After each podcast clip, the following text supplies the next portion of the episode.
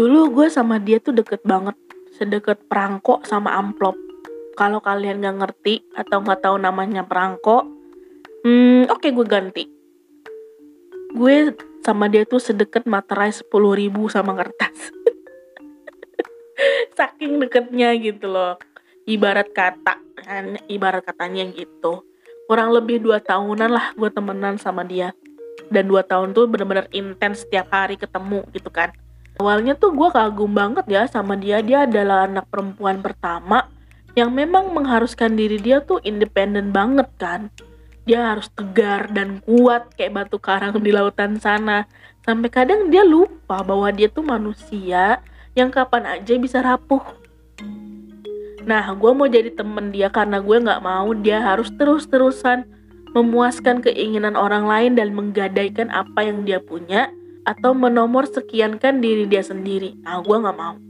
Saat itu, itulah yang ada di pikiran gue gitu kan. Karena kadang gue suka mengobservasi orang dulu nih sebelum kenal lebih jauh.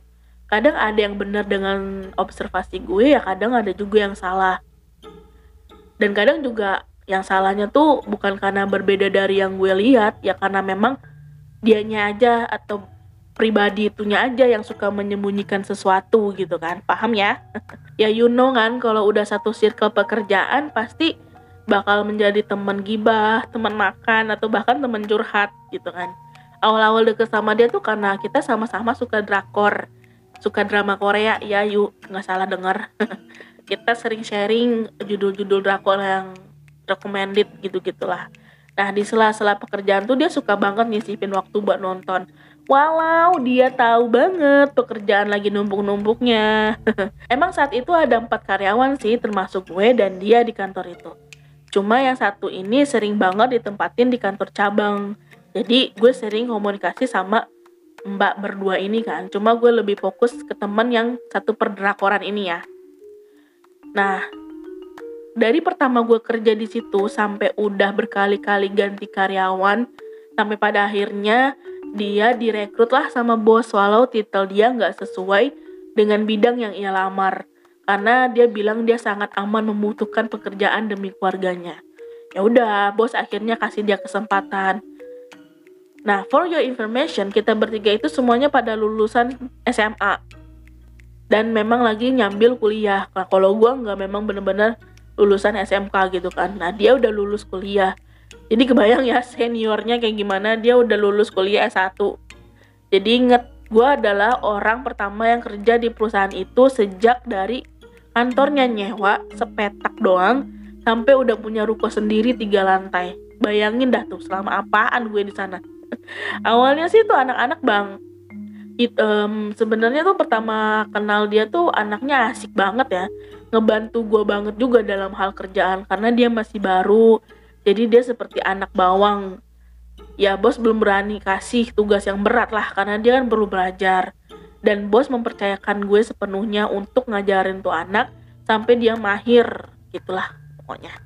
Dan bos tuh sudah mewarning juga jangan karena perbedaan usia kamu jadi enggan membimbing anak baru. Justru kamu harus lebih bisa bisa care karena dia masih mau kerja dan mau belajar juga. Gitu pesan bos satu dua tiga bulan berjalan baik. Gue makin deket juga sama dia. Dia anaknya easy banget diajak ngobrol juga enak ketawa nonton komplit lah pokoknya. Jadi menambah semangat gue juga untuk pergi kerja gitu kan. Tapi tibalah satu ada satu momen saat pertama kali kita atau mungkin dia ya dia menimbulkan satu masalah. Dia dikasih tugas dan itu tugasnya tuh yang simple sih sebenarnya. Ngeprint dokumen penting untuk proyek besar yang mau dihandle kantor. Perintannya itu yang bakal ditandatanganin sama kedua belah pihak gitu kan. Dah dah kan? Karena gue sibuk banget saat itu jadi gue minta tolong sama dia. Dan gue tuh udah menunjukkan dengan jelas gitu. Dia tinggal print doang. Eh setelah di print tuh gue udah ingetin lagi. Cek dong. Cek lagi ya semuanya udah benar atau belum dan dia tuh selalu jawab dan gitu. Udah oke okay kok katanya. Ya udahlah. Ya udahlah kan karena gue udah dengar perjawabannya dia udah ya udah. Tapi gue udah ingetin temennya satu lagi untuk recheck. Dan sayangnya gue nggak mengkonfirmasi lagi kerjaan si anak baru nih bener-bener dicek apa kagak. Ya udah gitu kan ya udah gue suruh anter kan ke kantor klien karena gue nggak bisa bawa motor dan berhubung dia bisa motor kantor pun ada ya udah. Karena juga biasanya ibu bos tuh sering banget nyuruh dia in dan out kantor gitu. Selang kebesokannya ibu bos tuh nggak seperti biasanya datang pagi-pagi banget nih. Marahin gue semarah-marahnya dia. Bilang kalau dokumen yang harus ditandatangani itu salah. Gue lupa salahnya di mana ya. Ya inget yang jelas kayak ketuker gitu lah jadi perintan yang di print si kutu kupret ini adalah dokumen rahasia perempu eh perempuan. Dokumen rahasia perusahaan dan dia kasih dokumen itu ke klien. Itu gila kan? Wah abis deh gue di situ. Ya udah gue cuma diem bos. Marah-marah gue juga gak bisa ngomong apa-apa kan. Dan gak lama itu si anak ini datang masuk kantor dia tuh langsung inisiatif minta maaf dia ceritain dia nggak konsen lah banyak masalah lah ibunya beginilah tetangga neneknya begitulah ayam tetangga neneknya bertelur lah inilah itulah pokoknya banyak banget lah. Sampai akhirnya tuh bodohnya gue nggak tahu ya bodoh atau enggak akhirnya tuh gue luluh dan kasihan jadinya. Akhirnya ya udahlah nggak apa-apa salah gue juga nggak double check lagi. Ya udah kamu tenang aja ya bos marah nggak akan lama kok. Jadi gue gitu yang nenangin dia padahal gue yang dimarahin sama bos gitu kan. Ya udah ini gue bingungin nih antara gue goblok atau gue yang terlalu baik gitu sejatuhnya gue juga bingung. Selesai menurut kalian? Oh tentu saja tidak. Satu tahun dia kerja yang seharusnya dia sudah mahir beberapa kerjaan kantor karena gue ngajarin dia bener-bener penuh dengan kesabaran dan pelan-pelan gitu loh untuk ini gue akuin nih gue tuh suka banget ngasih arahan ke orang. Suka banget kalau orang nanya apa pun selama gue tahu jawabannya gue bakal dengan senang hati menjawab. Uh, contohnya nih sama kayak bos gue gitu kan dia baru beli HP yang touchscreen dari HP CAC cari caplin ya, pokoknya dari HP yang punya pin gitulah dia, dia bingung tuh kan mengoperasikannya gimana. Dia nanya anaknya diketawain nanya sama teman-teman gue juga dia ejek-ejek tapi pas nanya sama gue tuh dia kelihatan banget nyamannya. Gue kayak bener-bener guru buat dia di bidang perhapean oke lah skip. Setelah apa yang udah gue kerahin untuk ngajarin tuh anak akhirnya bos mulai melepaskan dia pelan-pelan. Saat itu gue ada meeting di luar kota dan harus nginep nemenin bos cewek gue gitu kan jadi ninggalin si kawan itu doang. Ya udah gue pergi. Nah seinget gue setelah satu tahun dia kerja itu temen gue yang satu lagi tuh dari resign. Jadi gue tinggal bertiga yang notabene di kantor pusat di kantor pusat cuman berdua dan satu lagi di kantor cabang. Ya udah gue pergi. Sepulangnya dari dinas luar kota lagi dan lagi gue dimarahin abis-abisan sama bos gue yang cowok. Emang apes banget hidup gue sumpah dah bos cowok gue tuh marah karena katanya gue nggak ngajarin si anak nak nyali itu apa-apa aja yang penting. Masa sekedar Microsoft Office aja yang sesimpel itu kamu nggak bisa ngajarin dia? Gimana sih kamu? Kata bos gue gitu kan. Saat itu gue cuman bisa diam aja dan ke setelah itu tuh gue mikir oke okay, wait. Ada yang janggal di sini. Satu tahu dari mana si bos gue nggak ngajarin tuh anak yang penting sedangkan pas sama gue dia bisa semua kok. Yang kedua Microsoft Office nggak bisa. Lah yang ngerekrut dan kasih dia kesempatan siapa ya? Mohon maaf. Tiga lah anaknya kemarin bagus-bagus aja ngerti-ngerti aja pasti ajarin empat udah setahun udah setahun ini anak gak bisa nyerap yang gue ajarin apa sengaja apa gimana sih ini anak gitu kan? Wah udah nggak bener nih. Gue ngerasain nih anak banyak banget dramanya dan caper. You know caper. Hmm, cantik dan Cooper. Nggak dong caper is cari perhatian gitu kan. Begitu gue ketemu sama dia gue dateng kan dia gue lihat mata dia juga sembah mukanya kusut rambutnya semrawut udah kayak kena angin topan level 10 udah tuh. Ini nih yang kadang gue suka ngebatin sama diri gue sendiri ya Tuhan kenapa nih hati lembut banget? Kayak permen kapas gue mau marah. Bagaimana kalau udah ngeliat tuh manusia aut-autan begitu? Ah elah. Ya betul banget tebakan kalian. Bener. Dia dengan dramanya nangis dan meluk gue. Dia bilang dia dimarahin habis-habisan. Padahal dia baru aja berantem sama tukang ikan di pasar. Enggak dong. Pokoknya ada lah alasannya. Tapi ini alasannya beda lagi. Alasannya gara-gara dia salah jemput anaknya atau apalah gue nggak ngerti. Terus ada klien yang marah-marah juga. Bos cowok juga bisanya cuma ngedesak doang bla bla bla gitu kan. Ya udahlah. Terus dia juga minta sorry ya deh gara-gara gue lu dimarahin sama bos. Dengan nada yang ih gatel banget. Kuping gue kalau inget-inget itu tuh begitu terus sampai akhirnya gue nggak tahan. Gue milih untuk resign. Bayangin bener-bener gue deket sama dia itu tapi jiwa psikolog gue tuh kayak dibolak balik gitu tau gak sih? Kayak gas kayak gas lighting kayak gitu. Dia kayak bisa memanipulatif keadaan dia bisa menjual apa pun yang ada agar dia bisa dikasihanin dan dimaklumin. Kesalahan-kesalahan yang dia buat dia anggap itu wajar dan normal dia maksa orang juga buat please ngertiin aku dong. Aku tuh begini begini. Dan itu bukan sama gue aja sama bos gue yang cewek juga begitu. Yang playing victimnya tuh sudah mendarah daging bunda-bunda itu yang paling bahaya. Manusia seperti itu yang bahaya tapi ya kasihan juga sih sebenarnya. Karena pasti ada sesuatu yang memicu dia sampai akhirnya dia bisa melakukan hal itu gitu kan. Ada beberapa hal sih yang akhirnya bisa gue lihat sekarang-sekarang ini. Karena gue flashback akhirnya gue punya sudut baru nih kan. Sudut pandang baru. Waktu anak memang sangat amat membutuhkan kasih sayang yang bener-bener ngena di hatinya banget.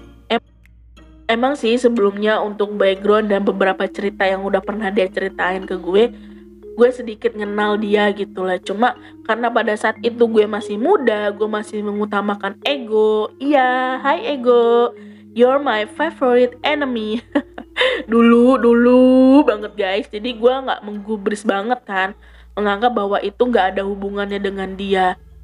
Pokoknya dia adalah orang yang gue lihat saat itu nyebelin manipulatif playing victim gaslighting ah semuanya lah pokoknya. Dia itu anak. Sebenarnya dia itu anak kekurangan kasih sayang. Karena jarak dia sama adiknya itu nggak begitu jauh. Dan ketika dia sedang asik-asiknya enak-enaknya nikmatin kasih sayang kedua orang tuanya datang adik kecil yang perhatiannya bakal langsung terpusat ke, ke si dede itu gitu kan. Dan itu terus berlanjut sampai akhirnya dia punya empat adik. Nah secara kondisi juga akhirnya dia mau nggak mau suka nggak suka mesti jadi wanita yang mandiri dan juga kuat.